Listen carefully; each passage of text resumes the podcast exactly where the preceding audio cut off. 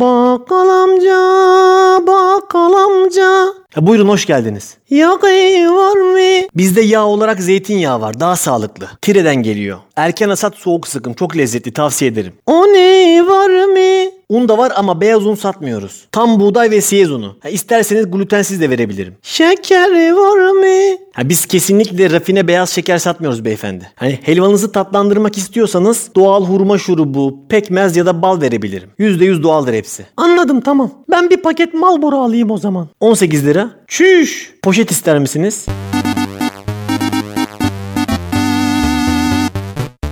Sizi tenzih ederim.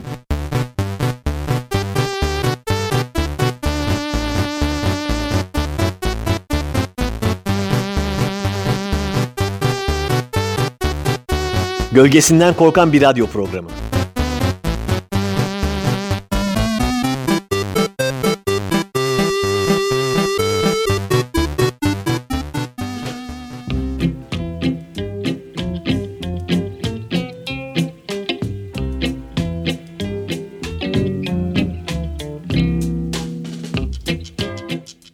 Merhaba sevgili Radyo Karavan dinleyenler. Nasılsınız inşallah? İyisiniz maşallah diyoruz ve 39. programımızı da açıyoruz. Öncelikle hepinize iyi bayramlar diliyorum. Gerçi bugün Kurban Bayramı'nın 3. günü. Artık yavaş yavaş o bayram havası geçmiştir. Özellikle Kurban Bayramı'nın 3. ve 4. günü bayram etkisi tatil etkisine yenik düşer. İlk günden sorumluluklar yerine getirilir. İlk günden seken sorumluluklar ikinci gün halledilir. Üçüncü ve dördüncü gün artık şort ve atlet giyilip kanepeye yayılır. Evde pineklenir. Tabi bu benim idealimdeki bayram. Son gününe kadar takım elbisesini çıkartmadan bayram havasını yaşatmaya çalışan, bayramın dördüncü günü akşam saat 8'de yakınlarını büyük bir coşkuyla arayarak bayramını kutlayan rahatsız dostlarımızı tenzih ediyorum. Aslında bayram geldi de bize mi geldi dostlar? Şimdi buradan bayram gelmiş neyime, kan damlar yüreğime türküsünü çalsam yeridir. Neden böyle söylüyorum? Çünkü sizden ayrı kaldığımız iki haftalık sürede ülkemizde yaşanan gelişmeler yine iç karartıcı.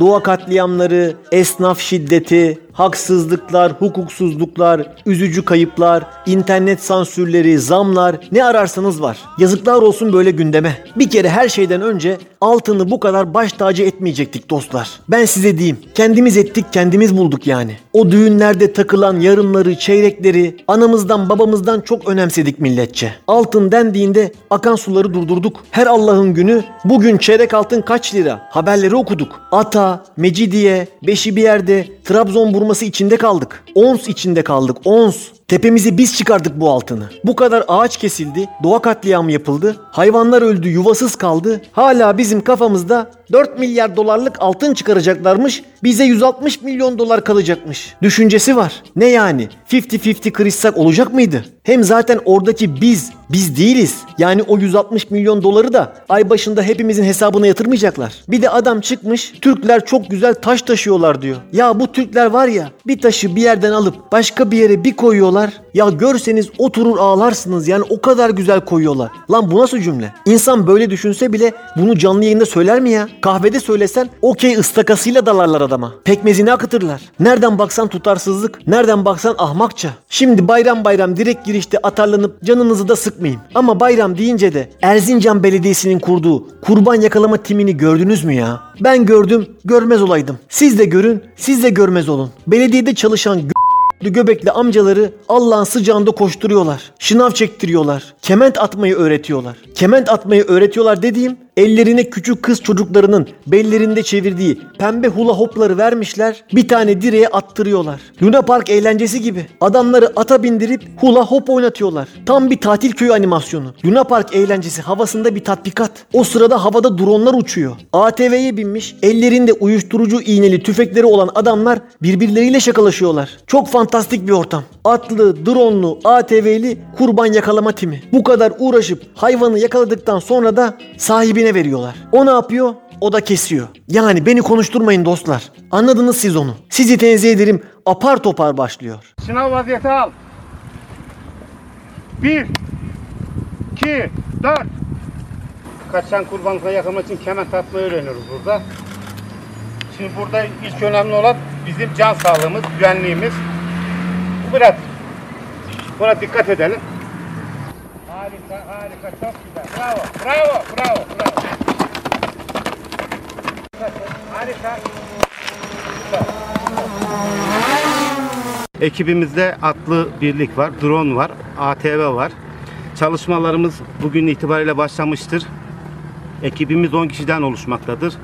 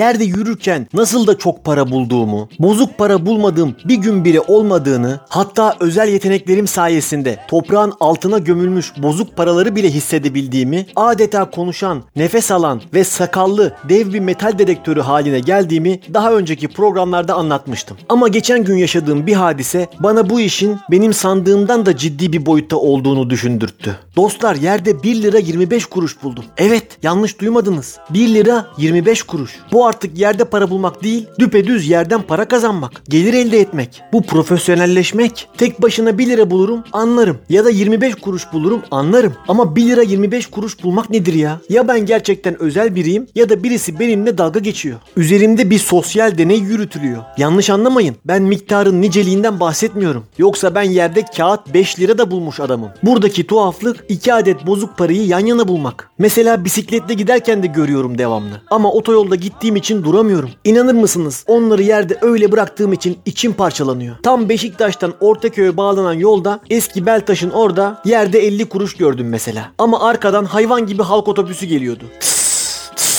diye amortisör sesini duydum. Dedim Anıl boş ver 50 kuruş için değmez. Aynı gün bu sefer dönüş yolunda tam Arnavutköy sahil yolunda kolej durağının orada gördüm bir 50 kuruş. Ama hafiften asfalta gömülmüş gibiydi. Risk alamadım. Aranızda buralara yakın olanlar varsa gidip alsınlar o paraları dediğim yerlerden. Bu kıyamı da unutmasınlar. Bu tehlikeli yerlerdeki paraları güvenli bir şekilde almak için kendime bir de taktik geliştirdim. Mesela iş çıkış saati Zincirlikuyu metrobüs durağında büyük bir insan güruhuyla hızlı bir şekilde metrobüse yürürken yerde bir bozuk para gördünüz. Onu nasıl alacaksınız? Ne var ya eğilip alırız derseniz yanlış cevap vermiş olursunuz. Çünkü o kalabalıkta yere eğilirseniz evet belki 50 kuruşu kazanırsınız. Ama sizin için çok daha değerli bazı şeyleri kaybedebilirsiniz. Orası bir jungle. Jungle'da domalamazsınız. E peki sen ne yapıyorsun derseniz ben avımı yerde gördüğüm anda hemen seri tekmelerle onu güvenli bölgeye taşıyorum. Hem rakiplerime bu 50 kuruş benim ilk önce ben gördüm. Hem de sanki ayağım yanlışlıkla çarptı. Aslında benim yerdeki parayla işim olmaz mesajı veriyorum. Bozuk para duvar dibine güvenli bölgeye geldiği zaman da köşeye sıkıştırdığım avımın üstüne atlıyorum. Hemen çevik hareketlerle yerden alıp cebime atıyorum. Bu özel yeteneğimin sadece para bulmak üzerine olmadığını geçen ay iki paket içi dolu sigara, iki yanan çakmak ve bir yazan tükenmez kalem bularak perçinlemiş oldum. Hatta metrobüsten en son inen insan olarak bir tane gökkuşağı renginde şemsiye ve bir büyük kutuda Nestle bayram çikolatası buldum. Ama çikolatayı kimin unuttuğunu gördüğüm için hemen koşup arkasından çikolatasını geri verdim. Şemsiyeyi de metrobüs şoförüne teslim ettim. Artık o ne yaptı bilmiyorum. Günahı boynuna. Şaka maka artık yerde içi dolu bir paket sigara bulduğunuzda 20 TL bulmuş gibi bir şey oluyorsunuz. Eskiden büfelerde dal sigara satarlardı. Henüz paket almaya başlamamış liseliler hep bu dal sigaralardan alırlardı. Normal sigaranın yanında Kaptan Black, Blackwood filan da satılırdı. O dal sigaralar 50 kuruşa 1 liraya satılırdı. Şimdi neredeyse normal paket aldığınızda tanesi 1 liraya gelecek durumda. Şu haliyle sigara en pahalı ölüm şekli olabilir. Eğer düzenli içiciyseniz bırakmak için çok iyi bir fırsat. Hadi göreyim sizi değerli dinleyenler. Ya da bir çay koyup bir sigara daha yakın. Artık kocaman insanlara da ne yapacağını bizim program söylemesin bir zahmet. in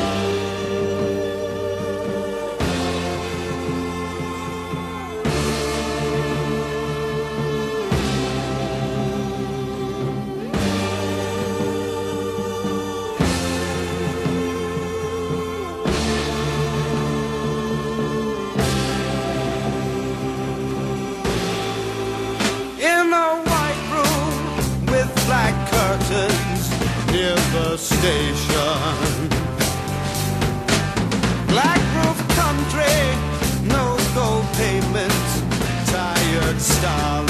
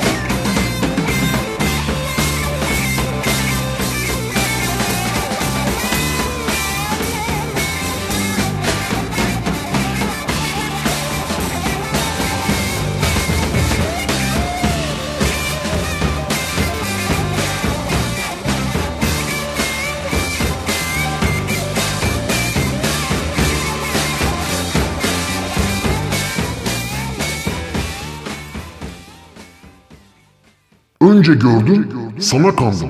Sonra baktım, ayıldım. Ay aman of, bağır çağır. İmdat desem kim bakar? Dalgadasın hep hala. Olmuyor anlatsam da. Roman yazıyor bin sayfa. Karar verdim, ayrıldım. Bunaltmıştı, kurtuldum. Aşkımız çengelli yine, biz de döndük ipliğe. Hayat bir oyun, bir de olmak veya olmamak. İşte bu bütün mesele. Aman tanrım, sonunda kim kime dumduma. Aman tanrım, anında dün teke düm. Aman tanrım, biraz da göz göze diz dize. Aman tanrım, bu işi bağlayalım. Diyenlerin programı.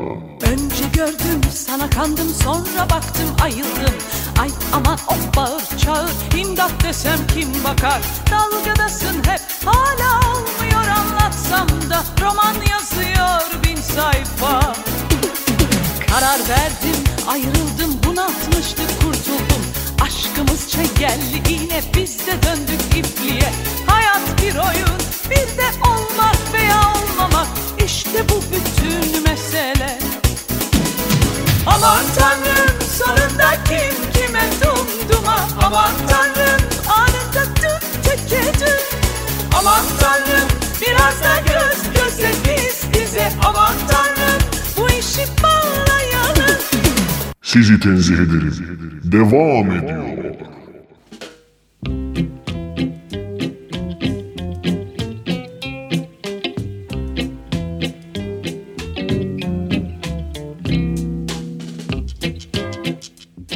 Bayram kıyağı olarak devlet kurumlarında çalışanların maaşlarını 6 gün önce verdiler biliyorsunuz. Benim çalıştığım yerde ise ödemeleri bankaya yapılamayan bazı özel durumlu arkadaşların paraları elden verildi. Ve bu işlemi benim olduğum ofisteki bir arkadaş yaptı. Bir gün bir baktım elinde bir tomar para ofisin içinde geziyor. Hiç canımdan ayırmıyorum diyor. O ne dedim? Elden verilecek maaşlar dedi. Ne kadar var orada dedim. 30 bin lira dedi. 200 liralık banknotlar şeklinde Hatta 200 liralık banknotlar şeklinde bir tomar paraydı. Hemen yanına gittim. Bu 30 bin lira mı şimdi dedim. Evet dedi. 30 bin gözüme çok bir az göründü. Bu muymuş lan aylarca uğruna çalıştığımız 30 bin dedim. Ver bakayım şunu bir dedim. Belki ağırlığını hissederim de gözümdeki değerini karşılar diye düşündüm. Aldım elime şöyle bir tarttım. Yok lan hiç tatmin etmedi. Böyle çok hafif, iki tane top kek ağırlığında bir şeydi. Bari biraz ağır olsaydı. Ne bileyim bir fincan çay ağırlığında filan olsaydı dedim. Biz bu muhabbeti yaparken hayatında 30 bin lirayı hiçbir arada görmemiş, eline almamış arkadaşlar benim arkamda sıra oldular. Baktım onlar da dünya gözüyle 30 bine dokunmak, ellerinde tutmak istiyorlar. Acılar terapi grubu gibi oldu ofis. İşi biten Tomar'ı yanındakine veriyordu. Herkeste de aynı tepki. Bu muymuş lan 30 bin? Hani belki 200'lük değil de 5'lik banknotlar şeklinde olsaydı bir heybeti olurdu. Ama bu haliyle tam bir hayal kırıklığıydı. Hatta ben söylemlerimi bir adım ileri taşıyıp lan şunun üzerine azıcık kolonya döküp bir kibrit çaksak 5 saniyede yanıp gider. Kimseyi de ısıtmaz diye Escobar'a gönderme yaptım. Bu benzetmemin üzerine çocuk ben en iyisi alayım onu diye elimden parayı alıp içeri gitti. Biz de eğlence bitince masalarımıza dağıldık. Zenginin malı züğürdün çenesini yine yormuştu ve öküz ölünce de ortaklık bitmişti. Sonra ben maaşları nasıl hiç görmeden sadece cep telefonundan birkaç tuşa basarak harcadığımızı düşündüm. Önce bankanın cep telefonu uygulamasında bir sayı görüyoruz. Sonra bazı tuşlara basarak yok o ödeme, yok bu havale diye diye saniyeler içinde o uğruna bir ay çalıştığımız sayıyı sıfırlıyoruz. Sonra önümüzdeki ayı bekliyoruz. Böyle bir sistemde elimize paranın gerçek hali hiç geçmeden sadece sanal olarak soyut bir şekilde harcıyoruz. Ben hep madde olarak sahip olsak, elimizde tutsak belki daha başka hissederiz diye düşünüyordum. Ama olay o da değilmiş. Ben olay o da değilmiş diye düşünüyorum ama o 30 bin TL'yi çalışanları dağıtan arkadaş marabalarına yevmiyelerini veren toprak ağası gibi oldu 2 dakikada. Çocuğun yürüyüşü, oturuşu değişti. Para 2 saatliğine de olsa bozdu garibanı. Maaşını elden alan insanların aşırı sevinci, sırıtık yüzü ve neredeyse ver şu mübarek elini öpem agam halleri bu değişimde etkili olmuştur muhakkak. Hepsinde de istisnasız aynı cümleyi duydum. Vallahi şu sıralar o kadar ihtiyacım vardı ki.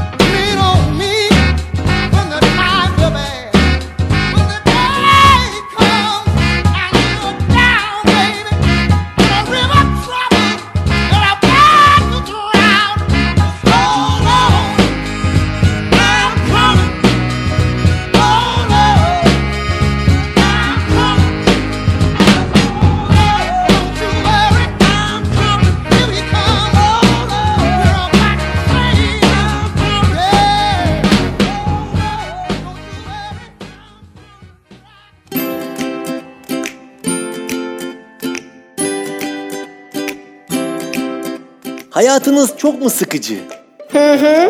Her gün aynı şeyleri yapmaktan bıkıp usandınız mı? Yaşamınızda bir yenilik ve heyecan mı arıyorsunuz? Evet dediğinizi duyar gibiyim. Peki işe metro ile mi gidiyorsunuz?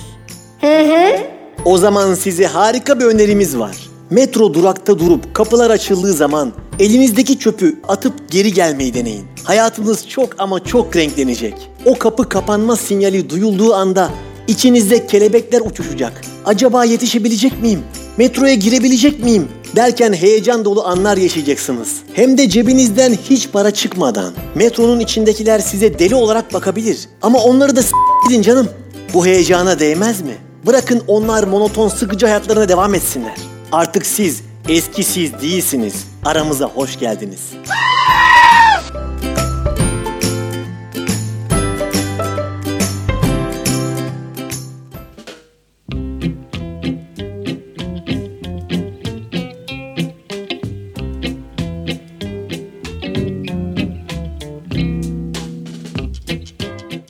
Bugün çok fazla paradan bahsettim farkındayım. Ama son bir anımı anlatıp bu bahsi kapatacağım inşallah. Louis Vuitton'u bildiniz mi dostlar? Hani şu çok pahalı çantalar satan marka. İşte bu Louis Vuitton'un Nişantaşı'nda tam da Nişantaşı'na adını veren Nişantaşı'nın çaprazında aşağı doğru bir mağazası vardı. Mağazası vardı diyorum çünkü bahsettiğimiz sene 2000. 20 sene önce. Hala orada mı bilmiyorum. Ben o zaman lise sona gidiyorum. Bir arkadaşım var. Onun da abisi turizm işi yapıyor. Taylandlı insanları burada gezdiriyor. Bizimkileri orada gezdiriyor. Böyle uluslararası bir işi var. Bu işin yanında da ek gelir olsun diye buradan orijinal Louis Vuitton çanta alıp Tayland'da satıyor. Herhalde o zamanlar bizde ucuz orada pahalıysa bu çantalara rağbet filan varsa o detayları hiç bilmiyorum. Neticede havalı bavul ticareti gibi düşünebiliriz. Bu arkadaşım beni aradı. Senden bir şey istiyorum dedi. Ben sana para vereceğim. Sen de gidip Louis Vuitton'dan alabildiğin kadar çanta alacaksın dedi.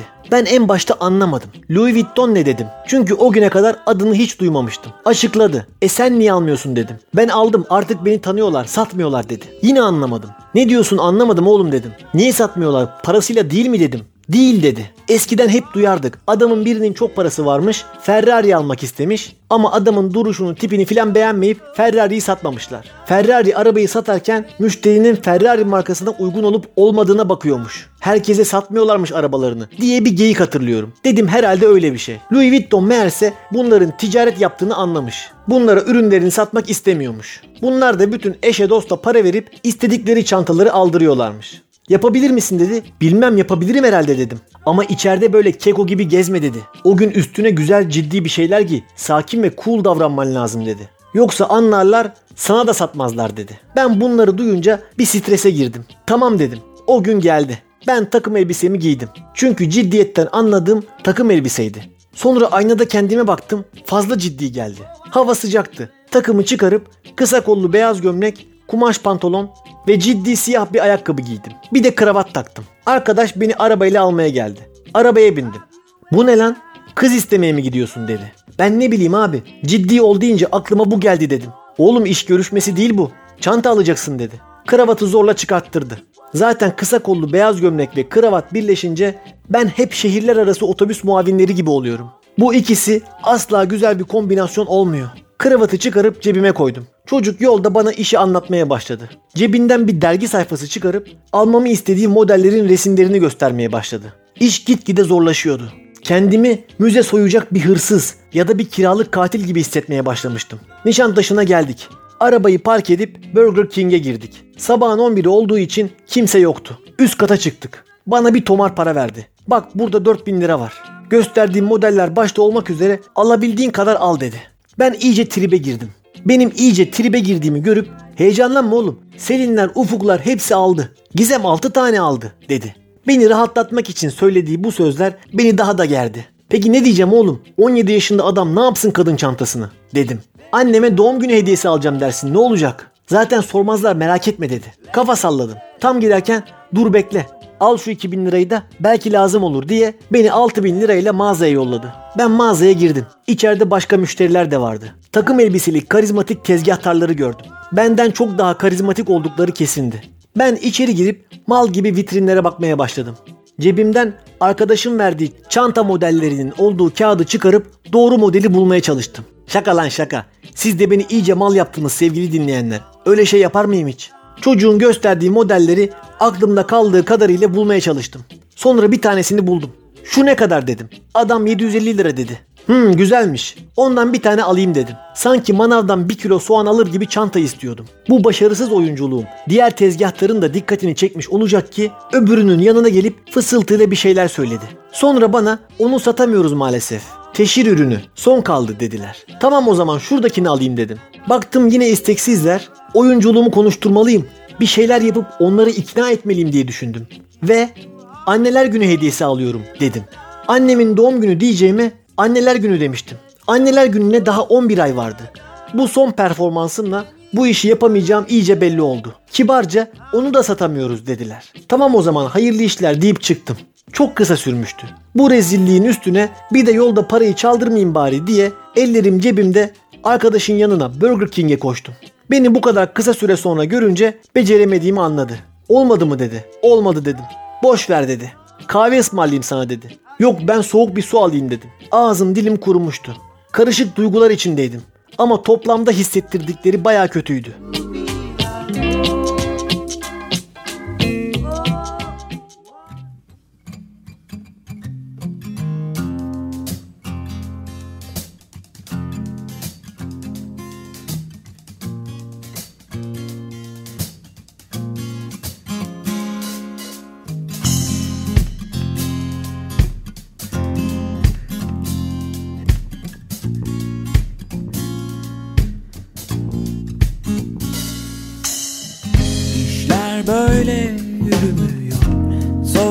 Sordukların toptan yanlış.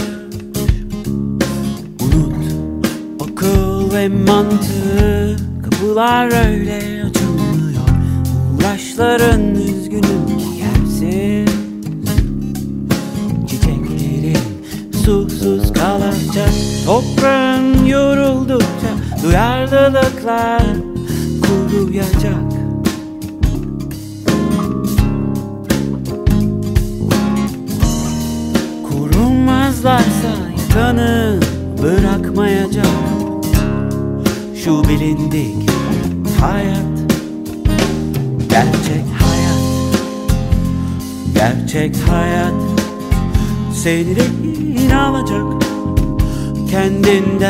uzaklaştıracak Gerçek hayat. Gerçek hayat Seni rehin alacak kendinden uzaklaştıracak.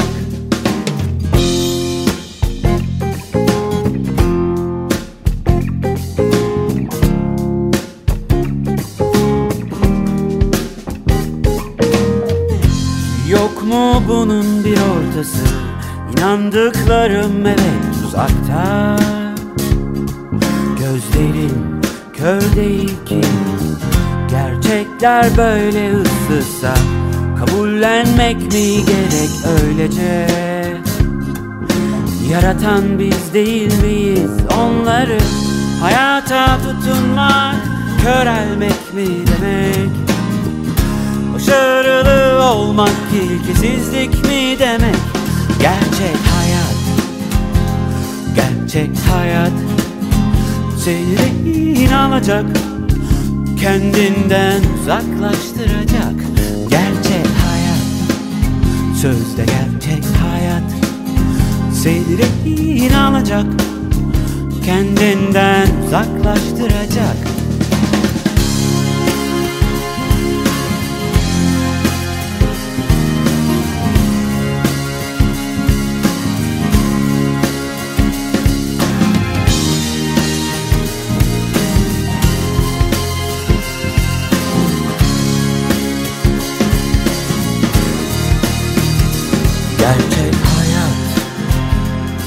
Gerçek hayat Seni rehin alamaz Kendinden uzaklaştıramaz. Gerçek hayat Sözde gerçek hayat. Seni rehin alamaz Kendinden uzaklaştıramaz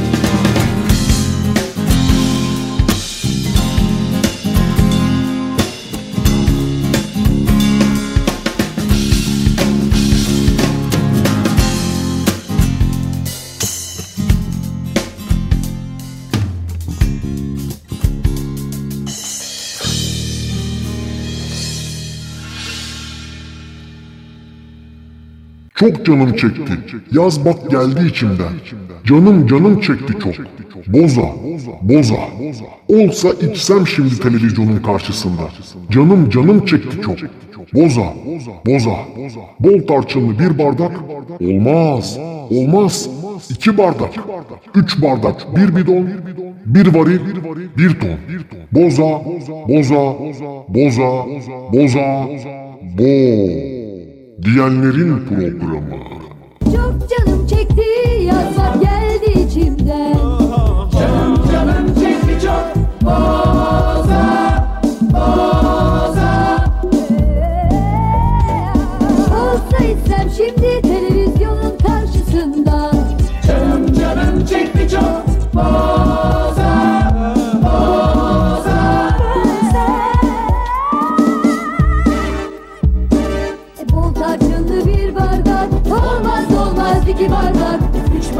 bir bidon Bir varil bir ton Bol tarçınlı bir bardak Olmaz olmaz iki bardak Üç bardak bir bidon Bir varil bir ton Boza Boza Boza Boza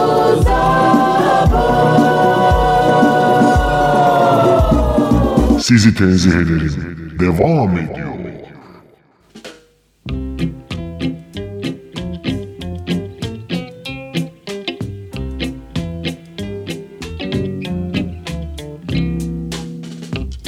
Geçen hafta burçlar kaydı biliyorsunuz sevgili dinleyenler. Burçlar kaydı dediğim burçların tarihleri değişti. Ben bu haberi ilk gördüğümde çok sevindim. Oo hanım yırttık. Burçlar kaymış dedim. 36 sene ikizler burcunda çile doldurduktan sonra Rabbim beni boğa burcuyla ödüllendirmişti. İkizler burcunda olanlar ne demek istediğimi anlarlar. Birisi burcunuzu sorduğunda utana sıkıla ikizler dediğinizde arkasından hemen ıy kararsız, güvenilmez, ikiyüzlü, alçak, şerefsiz, o çocuğu gibi hakaretler gelir. Güya burcunuzun özelliklerini sıralarlar. Ama aslında ikizler burcuna karşı içinde tuttukları kinlerini kusarlar. Analarına küfür etmişsiniz gibi davranırlar. Burçlar kaydı haberiyle bu makus kaderim değişmek üzereydi. Hanım pek oralı olmadı ama ben yeni burcum boğayı hemen benimsedim. Boğa burcu erkeğinin özelliklerini internetten açıp yüksek sesle okumaya başladım. Kulaklarıma inanamadım. Tamamen beni anlatıyordu. Zaten burçlar böyledir dostlar. Boğa erkeği yerine terazi kadınının da özelliklerini okusam yine tamamen beni anlatacaktı muhtemelen. Çünkü hep yuvarlak laflar. Şimdi size okuyayım anlarsınız. Ciddi ve sakin yapıları ile iyi bir aile reisi olmaya adaydırlar. Son derece sabırlı, pratik ve çözümleyicidirler. Doğuştan baba özelliklerine sahip oldukları için muhakkak baba olmaları gerekmez. Bak bu cümleyi tam anlamadım. Doğuştan baba özelliklerine sahip oldukları için muhakkak baba olmaları gerekmez.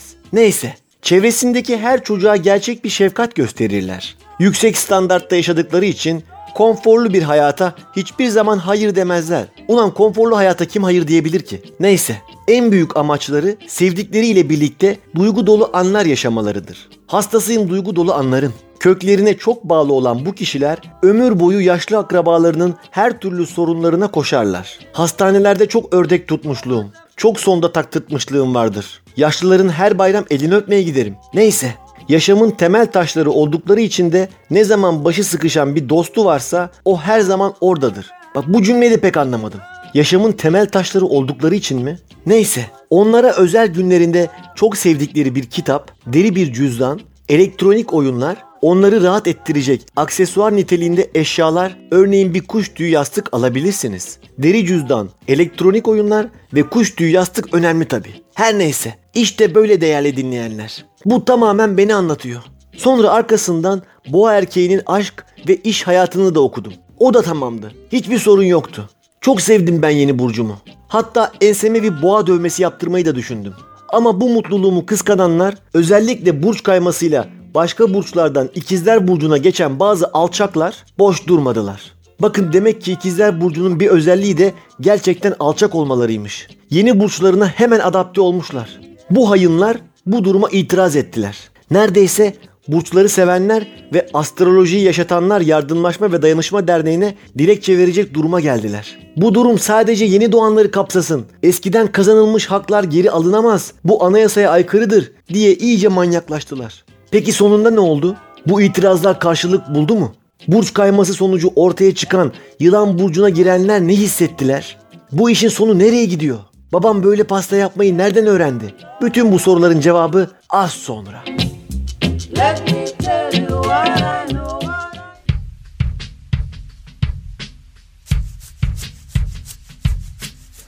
Konuşacağım uyusan da tek bir kelime bile duymasan da biterken bir zamanlar çok sevdiğimiz bu hikaye.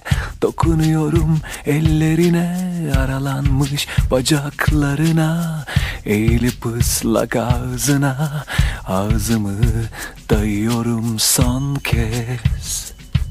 Soluk soluğa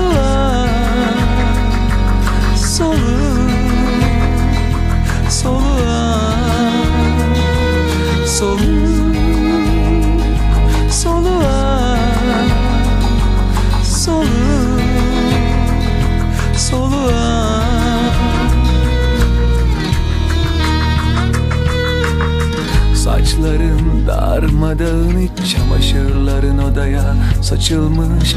Dün ağladıktan sonra makyajın yastığına akmış.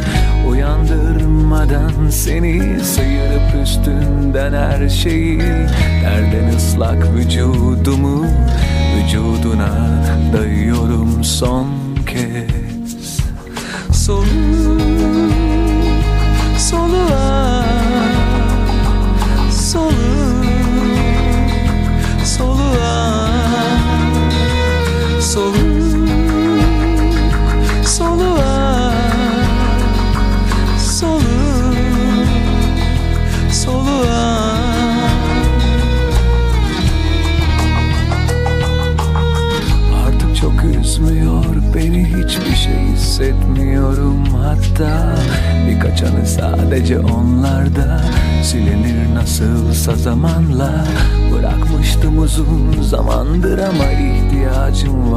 şu anda. Bazen bir içki şişesi yaşam destek ünitesi. Bu kez gerçekten giderken gerçekten terk ederken Sana kapıyı çekerken uzun uzun bakıyorum son kez. Soluk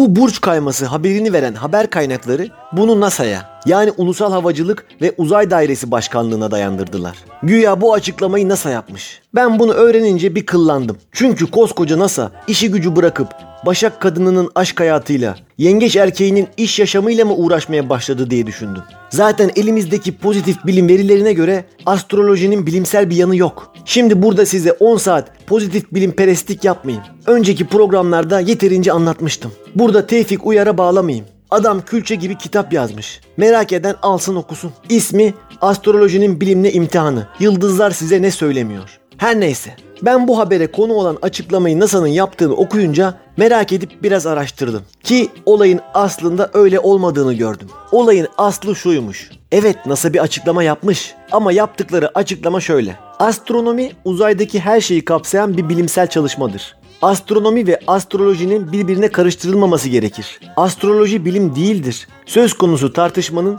bilimle uzaktan yakından ilgisi yoktur.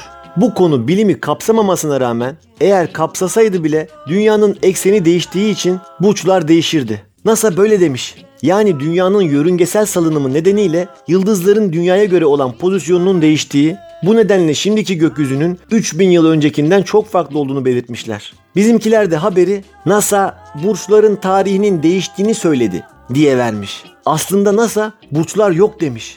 Ne burçlara inandım zaten hiç yoktular. Bu kendi salladıkları haberin üstüne de astrologlardan yorum almışlar. Astrologların genel tepkisi şu. Bu açıklama astrolojiyi bağlamaz. NASA'nın açıklaması bizi ırgalamaz. Kısacası biz işimize ekmeğimize bakıyoruz diyorlar. Aferin takdir ettim. Adamlar o kadar düzen kurmuşlar. Krediye filan girmişler. Amerika'dan birkaç herifin çıkıp bunu bozmasına izin verirler mi? Herkes rızkının peşinde. Söz konusu ekmek parası olunca birazdan mal gelecek birader buraya park etme diye dükkanın önündeki arabayı kovalayan esnafa dönüşmüş astrologlar. Oynatmıyorlar ekmekleriyle. Aferin. Bu konuyu araştırırken bir tane de astrolog yorumu okudum. Onu da sizinle paylaşmak istiyorum. Benim bildiğim tek astrolog Rezzan Kiraz olduğundan bu yeni nesil astrolog arkadaşları bilmiyorum. Bu arkadaşı ünlü astrolog diye takdim etmişler. Herhalde ünlüdür. İsmi Dinçer Güner. Şimdi onun bu konu hakkındaki görüşlerini okuyorum.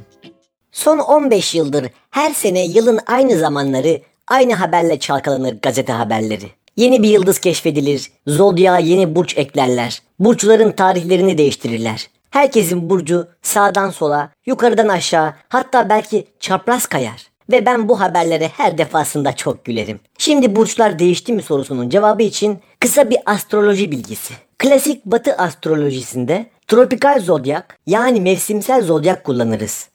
Bir de sideral zodyak yani yıldızsal zodyak var. Bunu da Vedik astrologlar kullanır. Biz batı klasik astrologlar mevsimsel zodyak kullanır. 21 Mart'ta baharın başlangıcını esas alırız. Tropikal zodyak mevsimlerden meydana gelir ve bu mevsimlerin sembolize ettiği arketipler sembolizm vardır. Ve biz haritaları oluşturup okurken, analiz ederken bu sembolizmi kullanırız ve bu sabittir, değişmez. Bu sisteme yeni burç eklemek ya da çıkarmak söz konusu değildir. Bir de Vedik astrologların kullandığı yıldızsal zodyaktan bahsettim. Onlar da burçları oluşturan yıldız ve yıldızların oluşturduğu takım yıldızlarını kullanırlar. Buraya kadar oldukça açık ve anlaşılır olduğumu düşünüyorum. Şimdi bir de presesyon etkisi var. Yalpalama da denir. Hatta Vedikçiler buna ayanamsa etkisi der. Her 72 yılda bir dünyanın yalpalamasından dolayı takım yıldızları ve yıldızlar ortalama 1 derece kadar geri kaymakta. Yani demek istediğim 72 yıl önce gözlemlediğiniz bir yıldızı şu an 1 derece geride görürsünüz.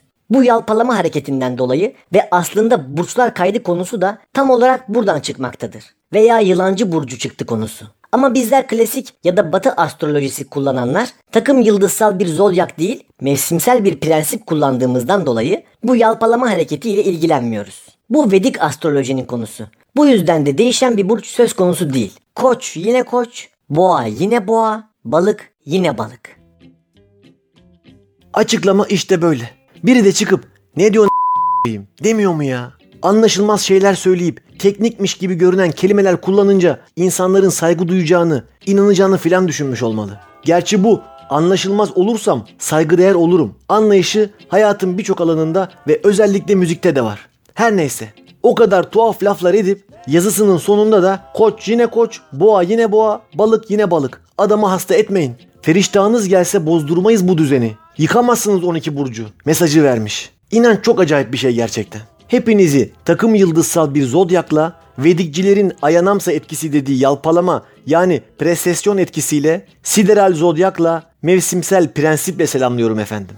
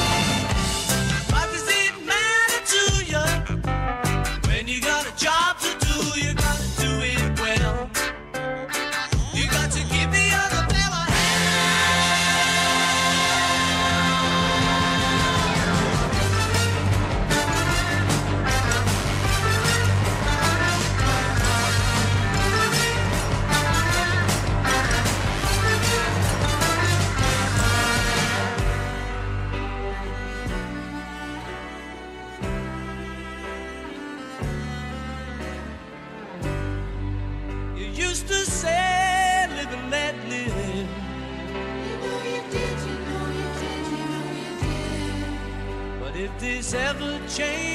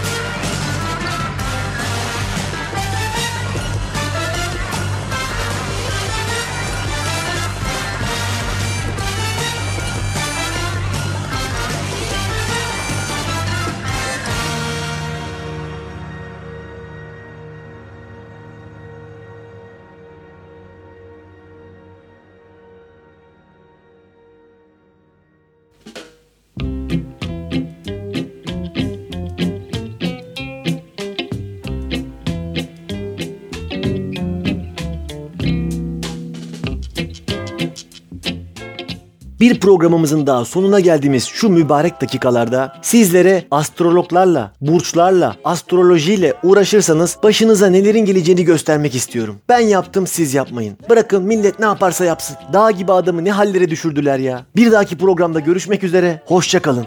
Şu düştüğüm hallere bakın ya. Kısa bir astroloji, kısa bir astroloji bilgisi. Astroloji. Kısa bir kısa bir astroloji bilgisi. Klasik Batı astrolojisinde, astrolojisinde, klasik Batı astrolojisinde, klasik Batı astrolojisinde, astrolojisinde, klasik Batı astrolojisinde, astrolojisinde, klasik Batı astrolojisinde, klasik Batı astrolojisinde, astrolojisinde, klasik Batı astrolojisinde, astrolojisinde, klasik Batı astrolojisinde, klasik Batı astrolojisinde, astrolojisinde, klasik Batı astrolojisinde, klasik Batı astrolojisinde, astrolojisinde, klasik Batı astrolojisinde, astrolojisinde,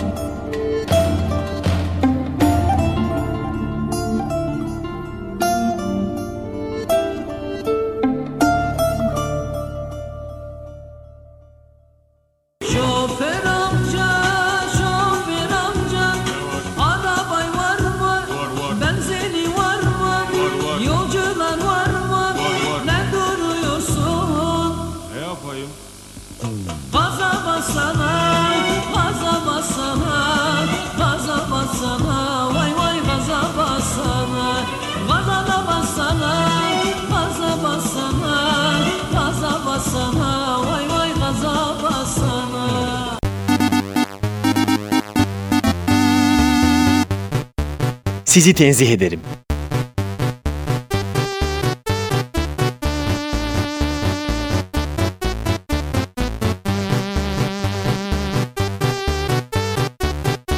Gölgesinden korkan bir radyo programı.